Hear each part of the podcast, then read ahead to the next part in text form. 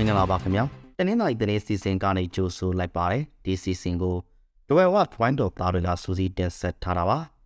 ဒီကနေ့ဇန်နဝါရီလ18ရက်မှာဖြစ်ပေါ်ခဲ့တဲ့သတင်းကြောင်းရာတွေထဲပထမဆုံးအနေနဲ့ပြောပြမှာကတော့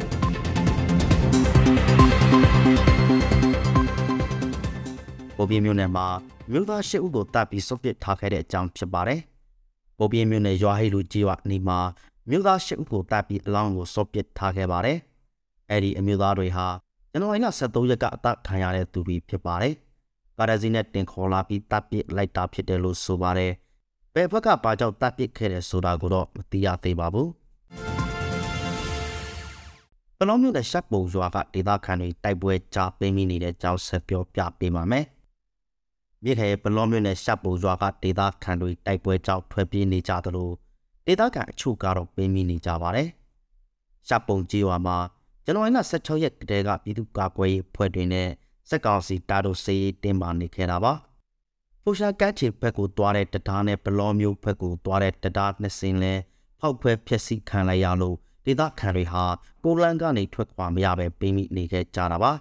။ရွာထဲမှာတော့စက်ကောင်စီတာကာရှိနေပြီးရွာပြေမှာဆိုရင်ပြည်သူ့ကာကွယ်ရေးအဖွဲ့တွေရှိနေတာကြောင့်အချိန်မရွေးတိုက်ပွဲထပ်ဖြစ်နိုင်တဲ့အနေအထားမှာရှိနေပါတယ်။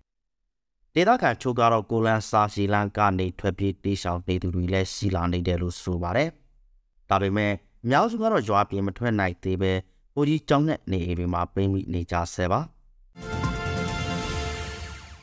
တော့ကန်နာစေကအငားတိုင်တွေကိုဖျားပိပြီးဈေးအစ်ကိုပြောင်းခိုင်းနေတဲ့အကြောင်းပြောပြပါမယ်။တော့မျိုးကန်နာစေမှာဖွင့်နေရောင်းချနေတဲ့ငါအဝယ်တိုင်တွေကိုပြမွာရီလ2ရက်နောက်ဆိုထားပြီးဈေးအစ်ကိုပြောင်းဖို့ဖျားပိတာတွေရှိနေပါတယ်။ စစ်ကောင်စီလက်ထက်မှာဆောက်ထားတဲ့အော်တကွန်၅စိတ်သက်စီကိုပြောင်းရွှေ့ရောက်ချဖို့ဆိုပြီးဖိအားပေးနေတာပါ။တနင်္လာရီတိုင်ရက်တပ်ဖွဲ့ဖို့ကငါအဝဲတိုင်တွေကိုအစည်းအဝေးခေါ်ယူပြီးပြောင်းရွှေ့ဖို့ပြောဆိုခဲ့တာလို့ဆိုပါတယ်။ငါတိုင်တွေကတော့ဈေးအသစ်ကိုပြောင်းချင်တဲ့ဆန္ဒမရှိဘဲကန်နာဈေးမှာပဲအရောက်ဝယ်လှုပ်ချင်နေကြပါတယ်။ဈေးအသစ်ဟာသူတို့လုပ်ငန်းအတွက်အဆင်မပြေနိုင်လို့မပြောင်းချင်ပဲဖြစ်နေကြတာလို့ဆိုပါတယ်။အော်တကွန်၅စိတ်ပိုင်ရှင်ဘက်ကတော့ ဖိအားပေးပြောင်းရွှေ့ခိုင်းတာမျိုးမရှိဘူးလို့ဆိုပါတယ်ဒီကနေ့ရှေ့စင်းတို့အကြောင်းဆက်ပြောပြပါမယ်ဒီကနေ့တဝဲဈေးဝက်ထဲရွှေဈေးကျ3000ထပ်ကျလာပါတယ်မနေ့က6000ကျကျဆင်းလာပြီးမှဒီကနေ့3000ကျထပ်ကျဆင်းလာခဲ့ပါတယ်နှစ်ရက်အတွင်း9000ကျကျဆင်းလာခဲ့တာပါဒါကြောင့်ဒီကနေ့တဝဲဈေးဝက်ထဲမှာဟောက်ရွှေတကြသား28သိန်း5000ကျဝန်းကျင်နဲ့အယောင်းဝယ်ဖြစ်နေပါတယ် နောက်ဆုံးအနေနဲ့ရွှေပြောင်းလူသမားတွေအကြောင်းပြောပြပေးပါမယ်။ထိုင်းနိုင်ငံချိုဘူရီခိုင်မှာမြန်မာလူသမားတွေစီးလာတဲ့ကားတေးမှောက်ပြီးမိလောက်ကြွားခဲ့ပါတယ်။ဒီကနေ့ဇန်နဝါရီလ18ရက်အမနေ့ပိုင်းမှာဖြစ်ပွားတဲ့အဲ့ဒီကားမိလောင်တို့မှာမြန်မာလူသမားသုံးအပြင်းထန်တရားရရှိခဲ့ပြီးကြောင်သုံးကတော့တရားအနှဲငယ်ရရှိခဲ့ပါတယ်။အလားတူ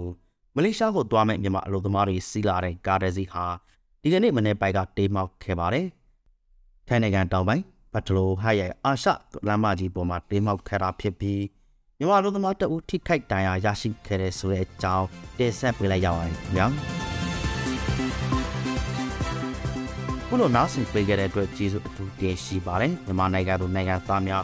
ကပ်ပြီးပေါင်းကနေအများဆိုလွန်မြောက်နိုင်ပါစေလို့ကြွယ်ဝတ်ဖိုင်လို့သားများကစုမောကောက်တောက်အပ်ပါတယ်ခင်ဗျာ